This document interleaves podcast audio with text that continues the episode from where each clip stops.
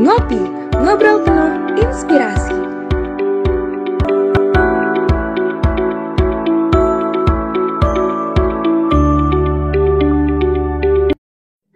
Oke, selamat malam semuanya. Hai hai Sobat Ngulik, apa kabarnya nih hari ini? Semoga baik-baik aja ya. Nah malam ini kita ketemu lagi nih di Ngopi Podcast, ngobrol penuh inspirasi bersama aku, Cindy Larasati, dan partner aku, Ini Sari. Nah, kali ini kita bakalan bahas topik yang gak kalah menarik nih dari episode-episode sebelumnya, yaitu tentang berkontribusi di kampus dengan menjadi duta. Nah, untuk menjawab rasa penasaran para sobat ngulik, kita mengundang langsung para pembicara yang keren tentunya. Nah, siapa nih yuk pembicara-pembicara yang keren itu? Nah, kita tuh udah kedatangan pembicara yang sangat keren yaitu Karifaldi dan Kaneta. Mungkin langsung aja nih Kak kita sapa Karifaldi dan Kaneta. Halo Karifaldi dan Kaneta, gimana nih kabarnya Kak? Halo. Halo, alhamdulillah sehat-sehat. Alhamdulillah juga sehat. Enggak. Oke Kak, mungkin uh, bisa nih langsung Ayu mulai aja nih ya Kak. Mungkin bisa nih uh, perkenalan diri dulu dari educational background, aktivitas saat ini dan mungkin sedikit personal life mungkin Kak. Mungkin sekarang kita uh, first ladies yang pertama Kaneta. Ladies first ya. Hmm. Silakan Kaneta. Oke, suaranya jelas ya. Aman Kak. Oke, sebelumnya uh, halo semuanya. Sobat Ngulik, kenalin aku Neta Sari Hadijah. Biasanya dipanggil Neta sama teman-teman, terus juga uh, sama adik tingkat ataupun kakak tingkat. Terus juga kalau misalnya kesibukan sekarang sih aku kuliah. Alhamdulillah udah di semester 7 sekarang, udah menuju 4 tahun di IPB, nggak kerasa. Uh, terus juga sekarang masih aktif jadi duta IPB angkatan ke-6. Terus uh, kalau kegiatan yang sekarang lagi rutin sih biasanya jadi MC atau juga moderator gitu di beberapa acara di weekend biasanya gitu. Karena kan kalau weekday sih aku kuliah gitu. Terus kalau misalnya educational education background um, aku dulu sekolah di SMA 3 Kota Sukabumi uh, SMP juga di Sukabumi SD juga di Sukabumi. Semuanya di Sukabumi. Jadi baru sekarang aku uh, merantau gitu dari rumah ke Bogor gitu. Sebenarnya dekat banget sih Sukabumi Bogor gitu. Itu sih mungkin perkenalan singkat dari aku. Salam kenal semuanya Oke, salam kenal Kaneta. Mungkin sekarang bisa dilanjut nih sama Kak Rivaldi. Silakan Kak. Oke, baik. Oke teman-teman semua, sobat ngulik, selamat malam minggu ya. Uh, bagus banget dengerin podcast ini karena mungkin kita nanti ngejelasin tentang duta IPB dan lain sebagainya.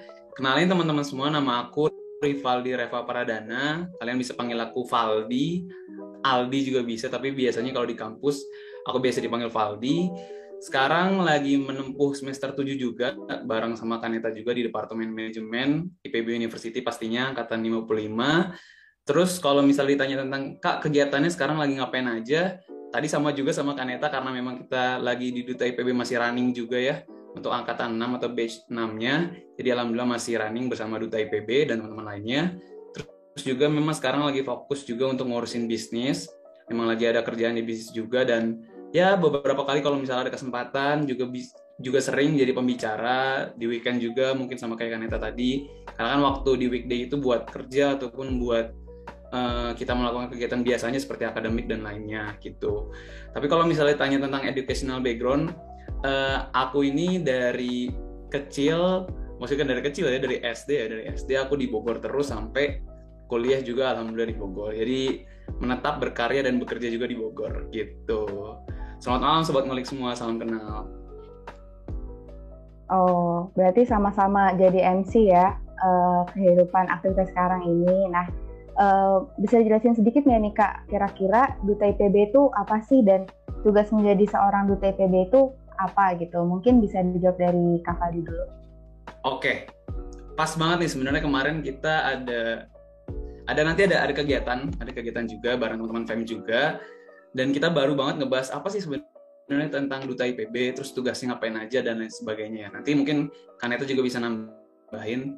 Jadi sebenarnya teman-teman semua, sobat ngulik, ataupun yang ada di sini, duta IPB itu sebenarnya adalah sebagai representatif, representatif mahasiswa IPB terhadap dunia luar gitu ya, pada masyarakat, pada di internasional juga, Terus juga apalagi terlebih banget untuk teman-teman di SMA. Karena memang tugas utama dari seorang duta IPB itu adalah mempromosikan IPB University sendiri ke seluruh lapisan masyarakat. Terlebih lagi tadi teman-teman di SMA yang memang masih bingung nih mau masuk ke kampus mana, terus juga mungkin belum menemukan passionnya, apalagi mereka punya ketertarikan yang tinggi di bidang pertanian. Jadi sayang banget kan kalau misalnya mereka nggak diarahkan ke IPB University, di mana kampus IPB University adalah kampus terbaik. Teman-teman kalau misalnya ingat juga, kita tahun 2020 sudah mendapatkan peringkat pertama kampus terbaik di Indonesia versi Kemendikbud Dikti. Jadi buat teman-teman udah nggak diragukan lagi gitu kalau misalnya IPB University adalah salah satu kampus tujuan kalian yang memang menjadi pilihan utama untuk melanjutkan studi. Nah, Duta IPB sendiri sebenarnya banyak banget kegiatannya. Kalau misalnya secara offline nih, ini aku ambil satu program nanti mungkin Kaneta bisa tambahin. Jadi kita tuh ada IPB Goes to School atau biasa kita sebut juga canvassing. Di mana kegiatan ini mungkin bisa menjadi kegiatan pionir kita karena kegiatan-kegiatan kita yang memang langsung promosi ke teman-teman SMA di seluruh wilayah Indonesia. Kalau misalnya kita kegiatannya offline, itu Duta IPB sebanyak 22 orang itu disebar ke seluruh daerah yang memang sudah ditetapkan oleh IPB. Tapi karena memang sekarang kondisinya lagi pandemi, akhirnya kegiatannya tersebut berubah jadi webinar. Jadi kegiatan online di mana teman-teman kita Zoom bareng kayak gini, kita sharing juga tentang IPB sendiri dari mulai fakultasnya, fasilitas, inovasi dan lain sebagainya, biar mereka tuh makin tertarik gitu kalau misalnya masuk ke IPB University dan merasakan gimana sih rasanya menjadi mahasiswa IPB gitu. Nah itu sebenarnya tugas-tugas utama dari Duta IPB. Mungkin Kaneta ada tambahan tentang Duta IPB. Oke, sebetulnya udah dibahas panjang lebar ya sama Kak Faldi tentang Duta IPB. Jadi memang inti dari adanya Duta IPB itu untuk mempromosikan IPB ke adik-adik SMA. Kenapa dibutuhkan seorang Duta IPB yang di mana Duta IPB ini merupakan mahasiswa aktif juga dari IPB University. Karena biasanya kalau misalnya kita masih anak SMA gitu ya, masih eh, remaja, kita tuh kalau misalnya ngobrol langsung sama dosen, kadang kan suka canggung ya. Nah, jadi adanya Duta IPB itu sebagai fasilitator anak SMA untuk bertanya tentang apa pun itu yang ada di IPB University gitu. Jadi kan kalau misalnya sesama masih muda gitu kan, kita ngobrol juga lebih enak, lebih santai. Terus adik-adik SMA juga nanti nggak terlalu canggung untuk tanya ke kita, sharing apa pun itu gitu. Dan terus kalau misalnya ditanya kegiatan-kegiatannya sebetulnya banyak banget, bukan cuma uh, promosi ke daerah-daerah di seluruh Indonesia, kita juga biasanya mendapatkan uh, apa undangan promosi dari beberapa sekolah. Kalau dulu waktu offline itu misalnya ada kunjungan nih anak SMA kan sering banget ya kunjungan ke kampus-kampus. Nah, itu tuh biasanya duta IPB yang mempromosikan IPB ke adik-adik SMA gitu. Jadi kita juga menerima tamu dari luar, baik itu pejabat tinggi gitu, baik itu internasional ataupun nasional skalanya gitu kan. Terus juga mempromosikan IPB ke adik-adik SMA yang berkunjung ke IPB gitu. Sebetulnya kegiatan waktu offline itu benar-benar lebih banyak dan lebih seru banget gitu kan untuk bertemu langsung dengan adik-adik SMA. Tapi kalau misalnya online sekarang kita ya bisa bertemu secara tetap muka gini. Cuma intinya kita memang ingin memberikan fasilitas fasilitasi gitu kan kepada adik-adik SMA menjadi fasilitator adik-adik SMA untuk bertanya tentang IPB gitu karena kita juga selama kemarin gitu ya meskipun uh, kita promosinya online tapi sering banget banyak pertanyaan yang masuk ke kita tentang IPB jadi alhamdulillah tugas kita juga terlaksana gitu meskipun secara online gitu sih. Wah, keren banget ya Sobat Ngulik uh, tentang Duta IPB itu apa dan tugas uh, Duta IPB itu tadi adalah mempromosikan dan juga memfasilitasi anak-anak SMA untuk mengetahui uh, lebih dalam nih tentang IPB itu gimana.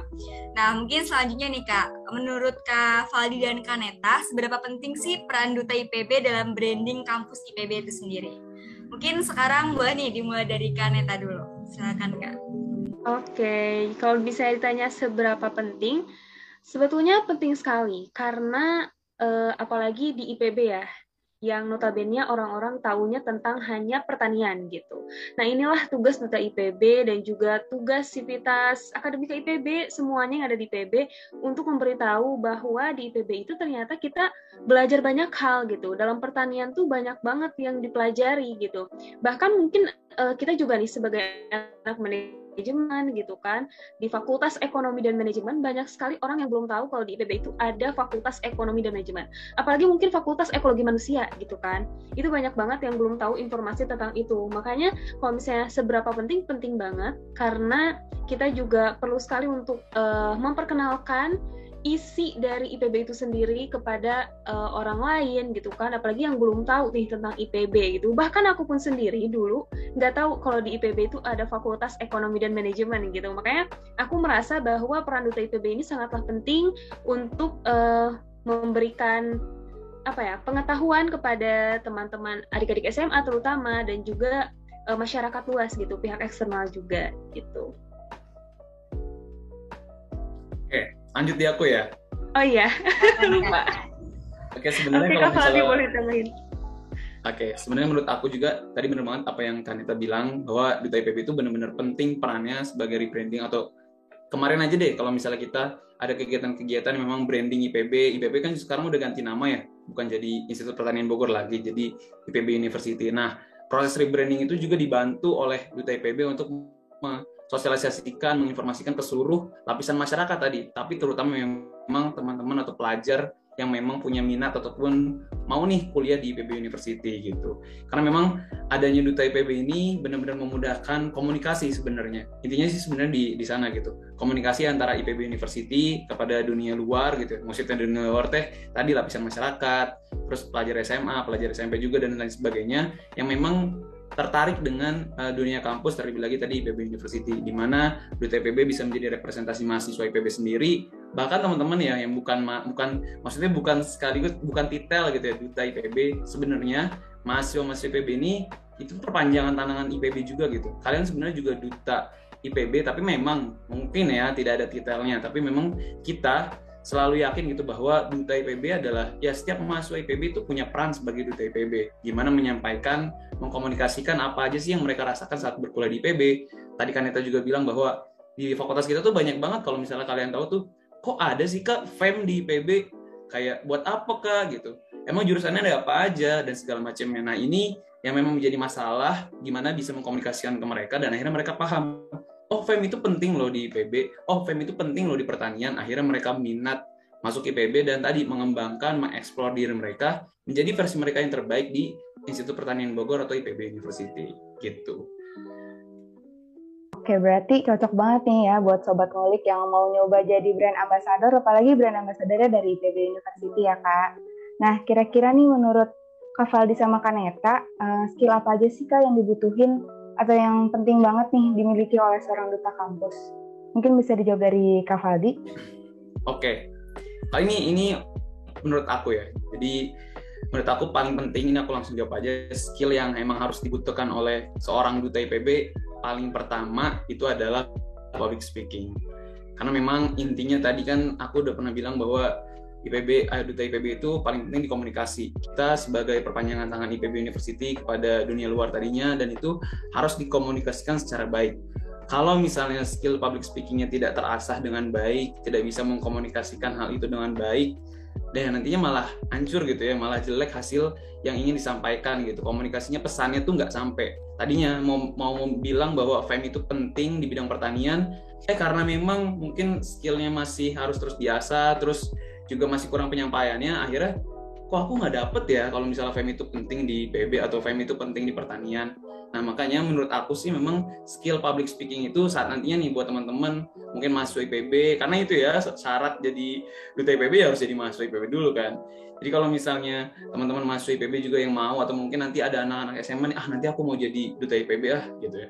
Nah skill public speaking menurut aku harus dilatih dari sekarang karena memang nanti pada saat seleksi dan segala macamnya dan nanti prakteknya juga itu sangat dibutuhkan gitu. Apalagi karena kita mungkin juga ngerasain nih kita sebagai duta banyak banget job-job yang memang dadakan. Banyak banget job-job yang kita nggak tahu nih hari besok tuh bisa aja ada job dan kita harus tadi mengkomunikasikan lagi ada kunjungan ada mungkin promosi lagi dan segala macamnya. Nah ini public speaking menjadi sentral poin untuk skillnya yang nantinya bisa dikembangkan ke hal-hal yang lainnya. Nah itu menurut aku ya yang paling penting di uh, duta IPB selain yang nantinya mungkin kan Ethan mau nambahin juga. Tapi ini yang kedua deh menurut aku ya. Tadi baru speaking yang kedua adalah integritas. Karena menurut aku sebagai duta IPB integritas itu penting gitu yang harus dijalankan. Karena kita membawa nama institusi makanya sebenarnya kalau misalnya kalian tahu kenapa duta IPB itu eksklusif ya kenapa duta IPB itu strict banget dengan aturan-aturan? Karena memang tadi kita menjaga integritas kita sebagai representatif IPB University. Jangan sampai duta ini tidak punya value yang baik tidak punya integritas yang baik nanti malah tadi kan teman-teman yang masuk juga malah ah kok duta IPB kayak gini sih? Gitu. Tapi malah kalau misalnya kita sebagai duta IPB menjaga integritas yang baik malah kayak iya alhamdulillah ya kita punya duta IPB yang baik integritas juga tinggi dan segala macam yang bisa menyampaikan pesan-pesan yang ingin disampaikan oleh IPB University gitu. Dua hal itu menurut aku yang paling penting ya kalau misalnya nanti teman-teman mau jadi duta IPB sebenarnya banyak tapi kan nanti mungkin ada tambahan dari Kanita juga tentang apa sih yang harus dibutuhkan atau skill apa yang harus dibutuhkan sebagai duta IPB boleh Kanita ditambahkan Oke, Kak Valdi, sebetulnya memang yang paling-paling penting adalah public speaking gitu. Tapi jangan khawatir juga buat kalian yang mungkin nanti uh, kepikiran nih pengen ih jadi IPB tapi public speaking aku masih kurang gitu. Nah, coba dilatih dari sekarang dan juga nanti ketika kita menjadi duta, kita juga akan lebih dilatih lagi dalam public speaking. Jadi uh, menurut aku dasar dari public speaking yang penting kalian udah bisa deh gitu. Karena nanti ketika kita jadi duta, kita juga diberi pembinaan khusus untuk para duta IPB mengenai public speaking dan juga bagaimana cara mempromosikan IPB ke adik-adik SMA gitu. Dan banyak hal lainnya lagi gitu yang diberikan kepada kita sebagai duta IPB gitu. Kita juga diberi pembekalan juga dari IPB uh, eh, untuk duta IPB tentunya nantinya harus memberikan kesan yang baik kepada orang banyak gitu kan. Nah terus uh, tadi kalau integritas dan ini juga sangat-sangat perlu, sangat-sangat penting itu attitude. Itu benar-benar penting banget karena kan uh, ketika kita bertugas misalnya menerima tamu dari luar, kita itu kan menerima tamu uh, harus memberikan kesan yang baik, terus juga harus menjamu tamu tuh dengan baik agar mereka mendapatkan kesan yang baik juga ketika berkunjung ke IPB gitu. Nah kalau misalnya kita udah oke okay nih public speakingnya jago ngomong gitu ya, kalau misalnya bisa di bisa di uh, apa dijabarin gitu ya, udah jago nih ngomongnya. Tapi kalau misalnya attitude-nya nol, buat apa gitu kayak jadi nggak berguna juga gitu kan dari diri kamu gitu kan. Nah jadi menurut aku uh, dari sisi attitude ini benar-benar penting banget karena ketika kita nanti bertemu dengan banyak orang gitu kan kita tuh harus memberikan kesan yang baik dan juga tentunya harus uh, mencerminkan bahwa mahasiswa IPB itu memiliki karakter yang sangat baik gitu. Memiliki karakter yang memang bisa dicontoh oleh banyak orang gitu. Itu mungkin kalau dari aku ya Wah, jadi itu tuh sobat ngulik uh, skill yang dibutuhkan tuh yang pertama public speaking, integritas sama attitude-nya. Nah, ngomong-ngomong tentang public speaking nih Kak, gimana sih caranya Kaneta dan juga Kak Valdi melatih kemampuan public speaking? Mungkin uh, Kaneta dulu deh. Oke, okay. kalau ditanya tentang gimana caranya belajar public speaking ya, oke okay, aku mau cerita mungkin ini singkat sih ya ceritanya, karena kalau diceritain panjang banget gitu, jadi aku itu aku juga baru sadar gitu ya kayak tersadar sekarang gitu. Ternyata aku tuh memang dari SD dari kecil itu udah diikutin lomba di public speaking gitu jadi dari kelas 3 SD aku udah diikutin lomba pidato terus juga ikutin lomba macawarta macawarta itu e, baca berita tapi dalam bahasa Sunda gitu terus juga ngadongeng gitu banyak banget lah gitu yang udah aku lewati ternyata ketika uh, aku sekarang terjun menjadi duta IPB. Ternyata aku tuh sebelumnya sudah terbiasa dengan yang namanya public speaking, berbicara di depan banyak orang gitu. Karena kan ketika berbicara di depan banyak orang juga tentunya kita harus sering dilatih sih yang aku rasain gitu.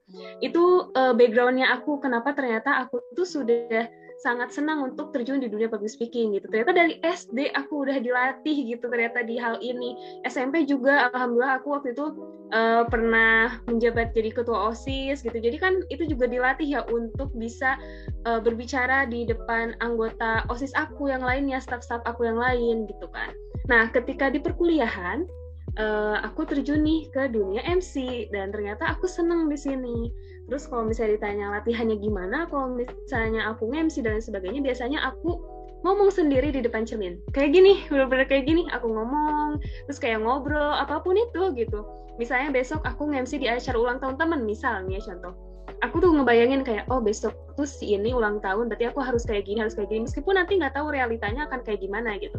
Jadi memang aku dari kecil uh, udah diterjunkan, udah diterjunkan, udah di apa ya, udah diikuti di beberapa udah mengikuti beberapa lomba gitu dan cara latihannya yang diajarkan itu depan cermin terus juga sering-sering uh, baca lagi apa yang akan aku sampaikan gitu biasanya aku emang suka nulis notes notes gitu kan suka tulis notes terus juga uh, aku baca-baca lagi terus juga aku latih lagi gitu. Biasanya aku yang paling manjur sih itu ngobrol depan cermin sama diri sendiri gitu. Karena biar aku nggak bingung kayak ngelihat aneh gak sih kalau lagi ngomong kayak gini? gitu. Terus kayak mukanya aneh gak ya? Kira-kira suaranya juga aneh gak ya? gitu. Itu kalau dari aku ya. Coba Kak Valdi gimana nih ceritanya Oke, okay, itu dari Kaneta ya. Kaneta kan seorang MC, seorang moderator, udah udah nggak diragukan lagi lah skill dari public speakingnya. Kalau misalnya ditanya tentang aku, aku dari mana uh, mulai suka dengan dunia public speaking sebenarnya dari SMA. Jadi kalau Kaneta dari kecil, sebenarnya aku dari SMA karena memang kecilnya aku tuh pas SMP dari SD sampai SMP lebih sukanya ke olahraga gitu, lebih suka ke sepak bola, lebih suka ke futsal. Kan nggak mungkin dong ya sepak bola sama futsal public speaking buat apa gitu ya. Nanti kita mah lari gitu ya. Nah, kalau misalnya pas SMA, alhamdulillah itu aku dapat kesempatan banyak banget untuk melatih public speaking aku karena di sana aku menjabat uh, sebagai ketua organisasi itu cukup banyak dan tingkatnya itu mulai dari sekolah kecamatan, kabupaten sampai di Jawa Barat gitu. Emang nggak nggak ke nasional tapi memang paling tinggi yang aku jabat itu adalah uh, sebagai koordinator duta genre Jawa Barat waktu itu. Jadi memang kalau misalnya mulai-mulai public speaking itu dari sana. Terlebih lagi alhamdulillah pas SMA juga uh, pernah jadi brand ambassador juga gitu. Jadi kan memang skill public speakingnya itu benar-benar keasah di sana gitu. Dipaksa untuk kebentuk akhirnya bisa nih public speaking walaupun sekarang masih terus belajar kita semua teman-teman juga mungkin masih belajar juga tapi ya tadi ada satu momen di mana pas SMA itu terus dibentuk dengan keadaan terus dibentuk dengan situasi akhirnya mulai terbiasa dengan public speaking. Awalnya aku juga kayak karena aku basis basisnya itu anak-anak futsal ya yang di mana nggak bisa public speaking kayak takut dan segala macam tapi karena dipaksa dengan keadaan dibentuk alhamdulillah gitu mulai percaya diri mulai mungkin lancar dengan ngomongnya dan segala macamnya. Nah, pas di kampus juga mengikuti berbagai kegiatan juga dan juga tadi brand ambassador juga dan alhamdulillah juga saat di kampus lebih banyak nih job-job buat jadi pembicara gitu atau mungkin jadi MC juga moderator walaupun MC aku atau moderator tak sebanyak Kaneta gitu tapi memang aku lebih sering untuk jadi speaker sebenarnya untuk jadi pembicara di berbagai event baik itu mahasiswa ataupun di sekolah dan segala macamnya. Nah, di sana juga karena ya namanya juga namanya juga juga jadi pembicara ya. Pasti kan bicara dong, pasti juga public speaking. Nah, dari sana tuh terus kebentuk dan segala macamnya. Tapi kalau misalnya ditanya gimana sih buat bisa public speaking, menurut aku ya yang paling penting adalah tadi kamu tahu materi ataupun kamu tahu hal yang ingin kamu sampaikan. Itu penting banget sih karena kalau misalnya kita nih misalnya mau ngomongin satu hal misalnya ngomongin tentang tadi kita ngomongin tentang duta IPB kalau misalnya kita aja nggak ngerti tentang duta IPB itu apa ya bakalan ancur nanti pas, pas ngomong gitu bakalan jelek atau mungkin bahkan dilihat orang kayaknya salah nih ngomong kayaknya banyak yang kurang nih. Tapi kalau misalnya kita paham dan kita bisa sampaikan itu dengan baik nah akhirnya kan enak ya terus yang kedua menurut aku kalau misalnya ragu biasanya nih ragu banyak orang yang takut.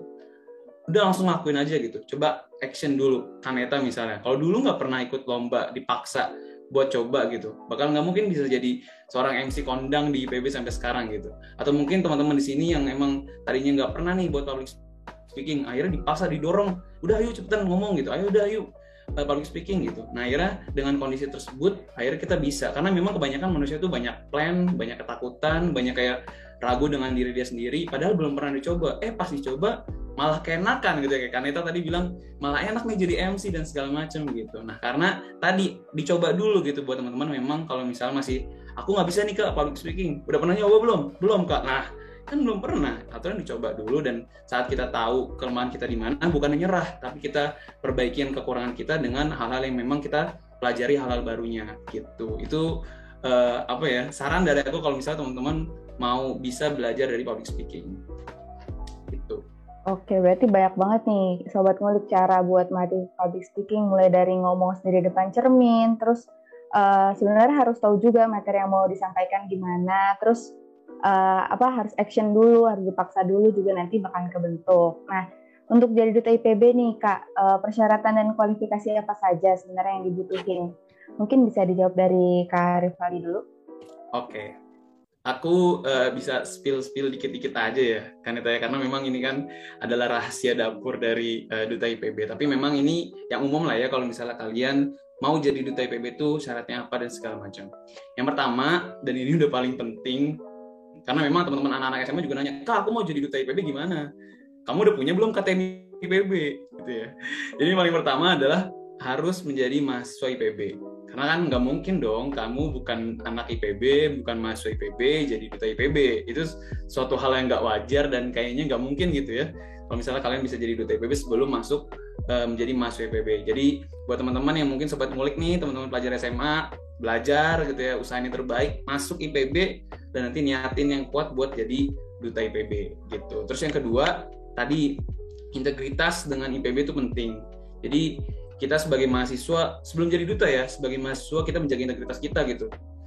Ada ya ada nama institusi di belakang ada nama IPB University di belakang kita gimana caranya kita sebagai mahasiswa juga bisa menjaga nilai IPB itu di diri kita sebagai mahasiswa IPB jangan sampai malah kita membuat hal-hal yang aneh-aneh yang membuat onar gitu ya yang akhirnya merusak citra diri kita, merusak integritas kita terhadap IPB University karena memang itu benar-benar dipandang ya kan ya kalau misalnya nanti kalian mau jadi duta IPB. Terus yang ketiga menurut aku ya, ini bukan menurut aku sih ini syarat pendaftaran ya ya ikutin aturan nanti kalau misal oh yang dibuka adalah untuk angkatan 57 dan 58 ya yang boleh masuk adalah angkatan 57 dan 58 misalnya. Angkatan 2019 dan 2020 misalnya. Dan kalau misalnya kita kan 2018 jadi buat teman-teman nanti ya sesuai dengan alur pendaftaran ini buat panitia kalian bisa ikutin kualifikasinya di sana. Tapi tadi kalau misalnya memang dilihat dari skill menurut aku yang bakalan jadi penilaian penting banget tadi public speaking kita dan kemampuan kita dalam berkomunikasi memberikan pesan kepada orang lain gimana sih apa kita mampu atau enggak itu yang mungkin menjadi penilaian penting saat nanti ada penilaian dari juri gitu. Kalau misalnya menurut Kaneta apa? Oke, kalau menurut aku uh, sebetulnya memang setiap apa ya opreknya dari duta IPB itu ada uh, apa persyaratan tersendiri gitu kan. Nah biasanya tiap tahun bisa berubah beda-beda gitu. Tapi yang paling utama yaitu kalian harus menjadi mahasiswa IPB University karena nanti kalian kan harus uh, mempromosikan IPB gitu dan tentunya kalian juga harus memiliki identitas sebagai uh, orang IPB gitu di dalamnya gitu kan nah itu menjadi mahasiswa aktif di IPB nah terus kalau persyaratan-persyaratan lainnya sih uh, mungkin nanti kalau misalnya memang yang nonton nih di sini udah menjadi mahasiswa aktif IPB tinggal ikutin aja di Instagram Duta IPB kalian follow dari sekarang nanti kalau misalnya ada uh, informasi lebih lanjut, terus juga informasi terbaru, kalian bisa update di situ gitu.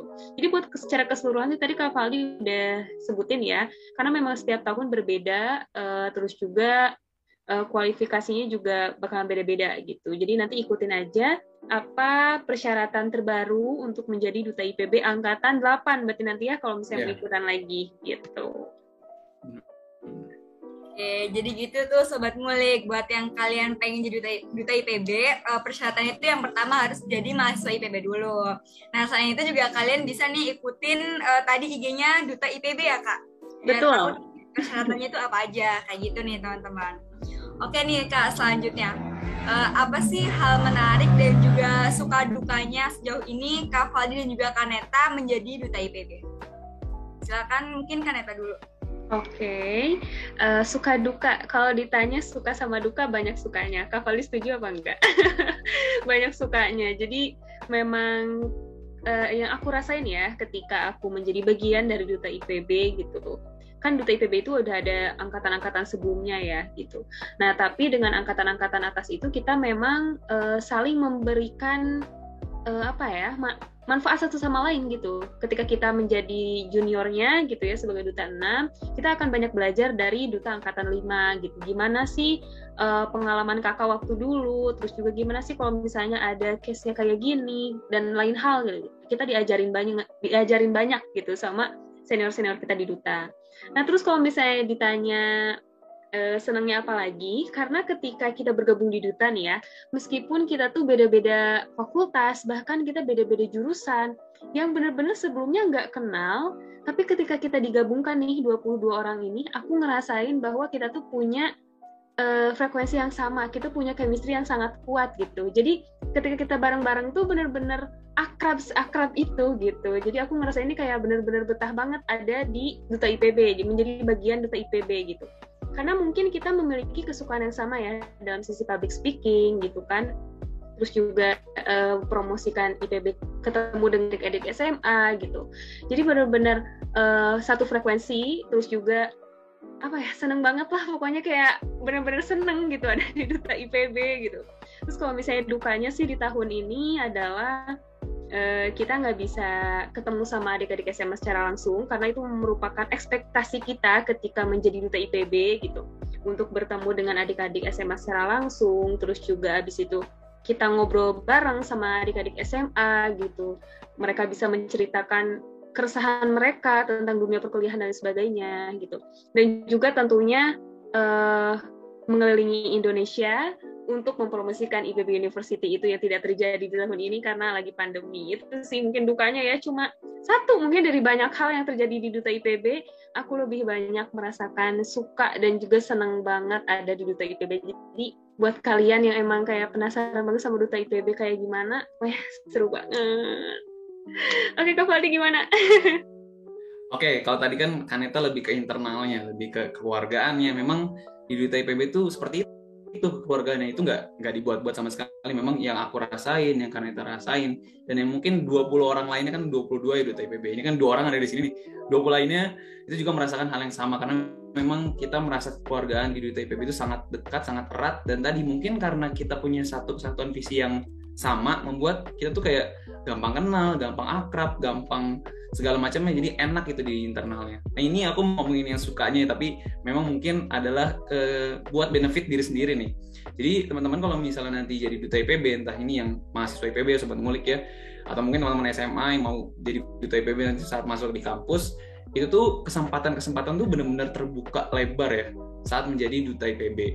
Kalau misalnya aku alhamdulillah saat menjadi duta IPB uh, diamanahkan menjadi duta IPB itu banyak banget lagi tawaran-tawaran juga buat jadi brand ambassador lainnya gitu dan juga menjadi speaker atau menjadi pembicara di beberapa kampus, di beberapa sekolah dan ini kan karena memang ada titel duta IPB yang melekat gitu. Nah ini sebenarnya benefit yang memang kita dapatkan di diri sendiri. Tapi menurut aku dan ini juga pesan dari kakak-kakak duta senior ya bahwa uh, exposure atau mungkin bahasanya kayak famous, terkenal dan segala macam, yang itu bukan menjadi nilai utama yang mau kita kejar gitu.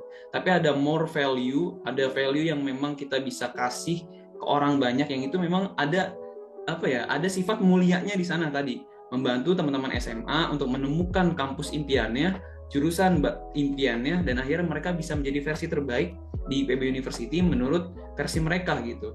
Nah itulah yang memang tugas seorang duta IPB membantu teman-teman SMA untuk tadi meraih mimpinya di kampus tercinta kita di IPB University.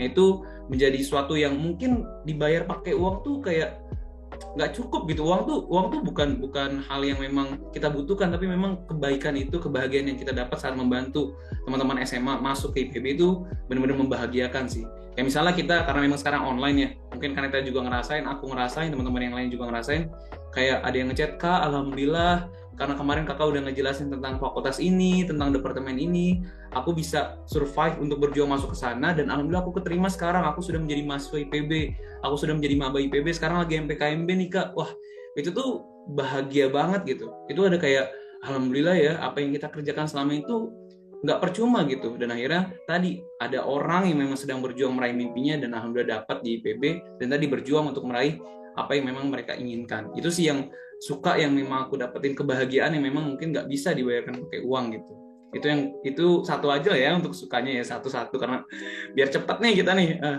nah itu yang kedua.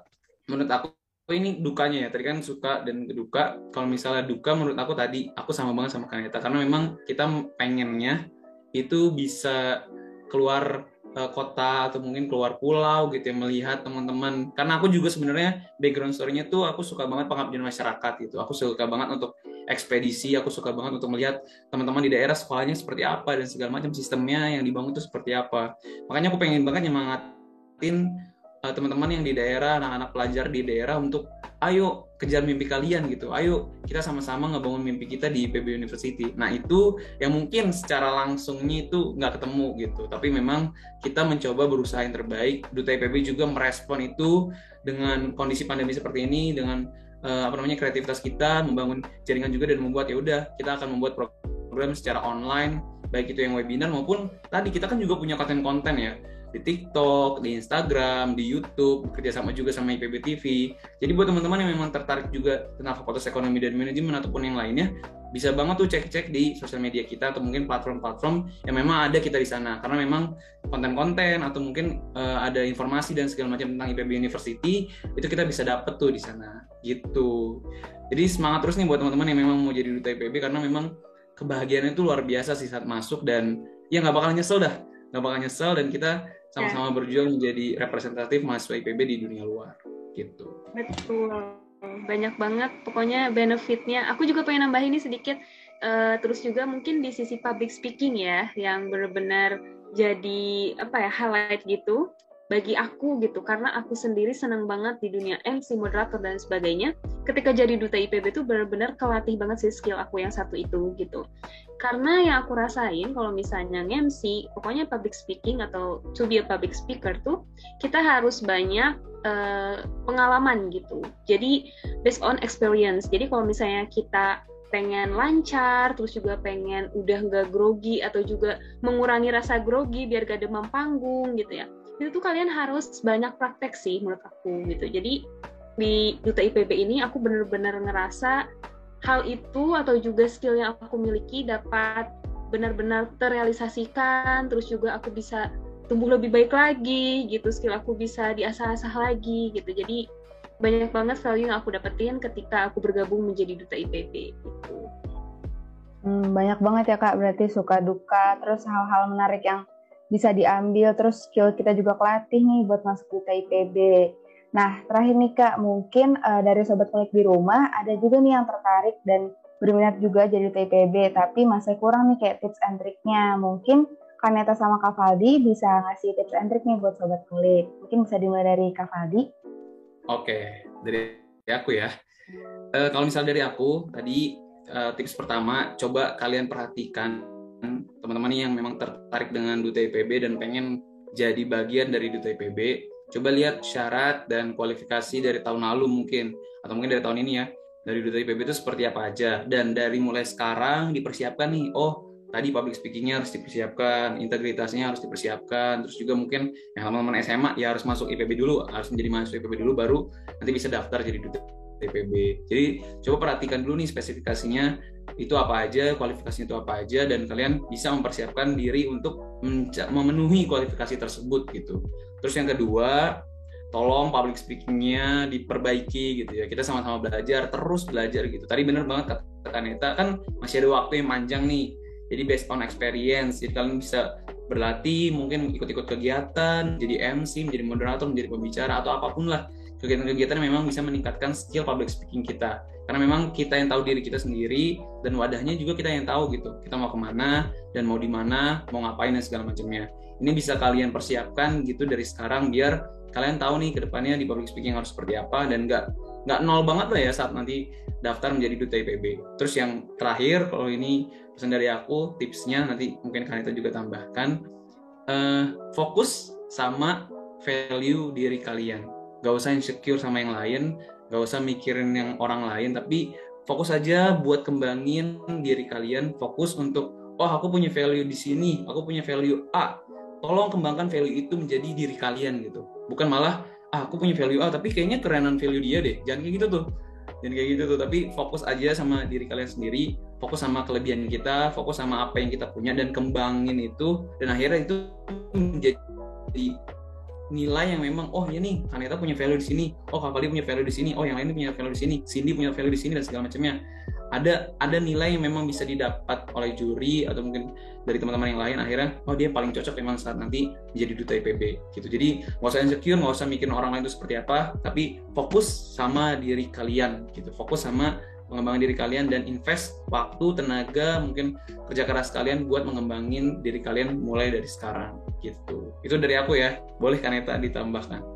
Oke, kalau dari aku uh, mungkin tadi betul ya kata Kak Valdi kayak ikutin gitu kan kegiatan-kegiatannya apa aja biar kita tuh tahu ketika kita bergabung di sana, oh kita juga akan mengalami hal yang sama gitu. Jadi menurut aku dalam hal ini kepo itu penting gitu karena uh, kalian juga harus tahu dulu sebelum kalian ingin ada di dalamnya gitu. Terus kalau misalnya emang masih bingung-bingung, boleh banget kok tanya ke duta-duta sebelumnya, ke aku atau ke Valdi atau siapa pun itu, agar kalian mengetahui informasinya itu lebih akurat dan konkret juga kan dari dutanya langsung gitu. Jadi buat sharing-sharing itu perlu juga menurut aku. Kalau misalnya emang pengen jadi duta, karena aku juga dulu banyak tanya dulu gitu sebelum akhirnya oh, kirain duta ngapain ya gitu terus juga tugasnya apa aja kira-kira kegiatannya apa aja gitu. kan nanti yang nggak cocok sama kita gitu kan Nah, makanya itu penting juga untuk tahu passion kalian tuh di mana gitu.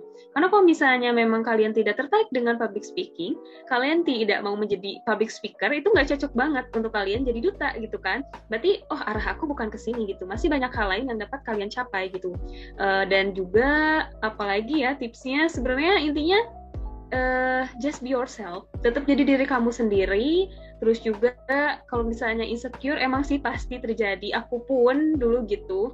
Uh, bahkan Valdi mungkin tahu juga ya perjalanan aku mau ke duta tuh benar-benar kayak ngapain sih net kamu mikirin kayak gitu? Aku aja pede. Dia, saya Valdi tuh emang lebih pede daripada aku. Jadi kayak Valdi itu menguatkan juga aku untuk ada di titik ini sekarang gitu. Kamu tuh punya value ini ya udah kamu maju aja. Kenapa sih? Setiap orang tuh punya kemampuannya masing-masing. Setiap orang tuh punya sisi plusnya masing-masing dan minusnya masing-masing gitu. Jadi memang setiap orang tidak tidak akan bisa disamakan gitu. Uh, menurut aku tetap fokus sama diri, diri kita sendiri terus juga tetap jadi diri kalian sendiri dan terutama harus menjaga attitude kalian gitu. Sekian ya, dari aku tambahin dikit ya. gitu. tadi benar banget yang di okay, bilang Neta bahwa ya kalau misalnya kamu nggak bisa jadi yang terbaik setidaknya kamu menjadi yang berbeda gitu loh. Jadi karena nanti kalau misalnya udah jadi final stage mungkin ya atau mungkin mau daftar duta IPB semuanya itu kan udah yang terbaik terbaik terbaik kan. Nah dari sekumpulan yang terbaik ini udah terbaik nih. Coba kalian jadi diri kalian yang masing-masing gitu. Karena memang kita punya potensi masing-masing. Waktu itu aku bilang ke Kaneta bahwa ya iya net kamu tuh punya value ini segala macam ya. Memang dia punya value itu gitu. Jadi jangan pernah kayak mengecilkan diri sendiri gitu. Kita kan ini diri kita ini anugerah ya dari Tuhan anugerah dari Allah. Jangan sampai kita punya value sebagus itu tapi malah kita insecure dengan orang lain dan akhirnya value itu terpendam. Nah itu sayang banget gitu. Hidup udah cuma sekali ya. Jadi hidup cuma sekali jangan sampai basi tapi berarti gitu. Itu sih itu dari aku ya Oke, wah banyak banget nih tips and triknya Sobat Ngulik. Ada yang katanya fokus sama value diri sendiri, terus jangan insecure, terus tidaknya jadi yang berbeda kalau misalkan emang nggak bisa jadi yang terbaik. Nah, uh, aku mau coba review sedikit nih uh, tentang topik malam uh, topik kita malam ini. Uh, jadi tadi kita ngomongin tentang duta IPB. Sebenarnya duta IPB itu tentang representatif dari IPB itu sendiri dan ternyata perannya penting banget nih buat uh, memberitahu bahwa IPB tuh kayak gini loh ke adik-adik SMA dan masyarakat luas dan uh, di TPB itu juga penghubung antara IPB itu sendiri dengan dunia luar juga. Nah, ternyata skill-skill yang uh, dibutuhkan dalam untuk menjadi duta IPB itu ada public speaking, terus dijaga juga attitude-nya dan harus berintegritas. Nah, uh, tips and trick yang tadi telah disebutin sama Kaneta sama Harifaldi ini ada yang uh, pantengin lihat uh, pantengin syarat dan kualifikasi tahun lalu terus dipersiapin mungkin public speakingnya dari sekarang dan intinya harus fokus sama diri sendiri jangan insecure dan kalau bisa kalau bisa jadi yang berbeda eh kalau nggak bisa jadi yang terbaik jadi aja yang berbeda gitu nah uh, Sebenarnya aku mau ngucapin terima kasih banyak nih buat Kak Rifaldi dan Kaneta yang udah menyempatkan hadir dan berbincang-bincang bareng aku uh, sama Ayu di Ngopi Podcast kali ini. Uh, nah, aku juga mau ngasih pesan nih buat sobat mulik semua. Jangan lupa nonton Ngopi Podcast episode selanjutnya di YouTube Himpunan Profesi Center of Management dan Spotify dari Future Stars. Dan jangan lupa ya buat komen, like, dan subscribe. Oke, akhir kata, aku Cindy Larasati dan rekan aku uh, Ya, silakan Ayu. Ayu Sari. Pamit undur diri. Terima kasih sudah menyaksikan. Bye-bye. Kasih untuk Sobat Ngulik yang udah ngedengerin Ngopi Podcast kali ini. Dan jangan lupa untuk tetap stay tune di Ngobrol Penuh Inspirasi selanjutnya. Bye-bye!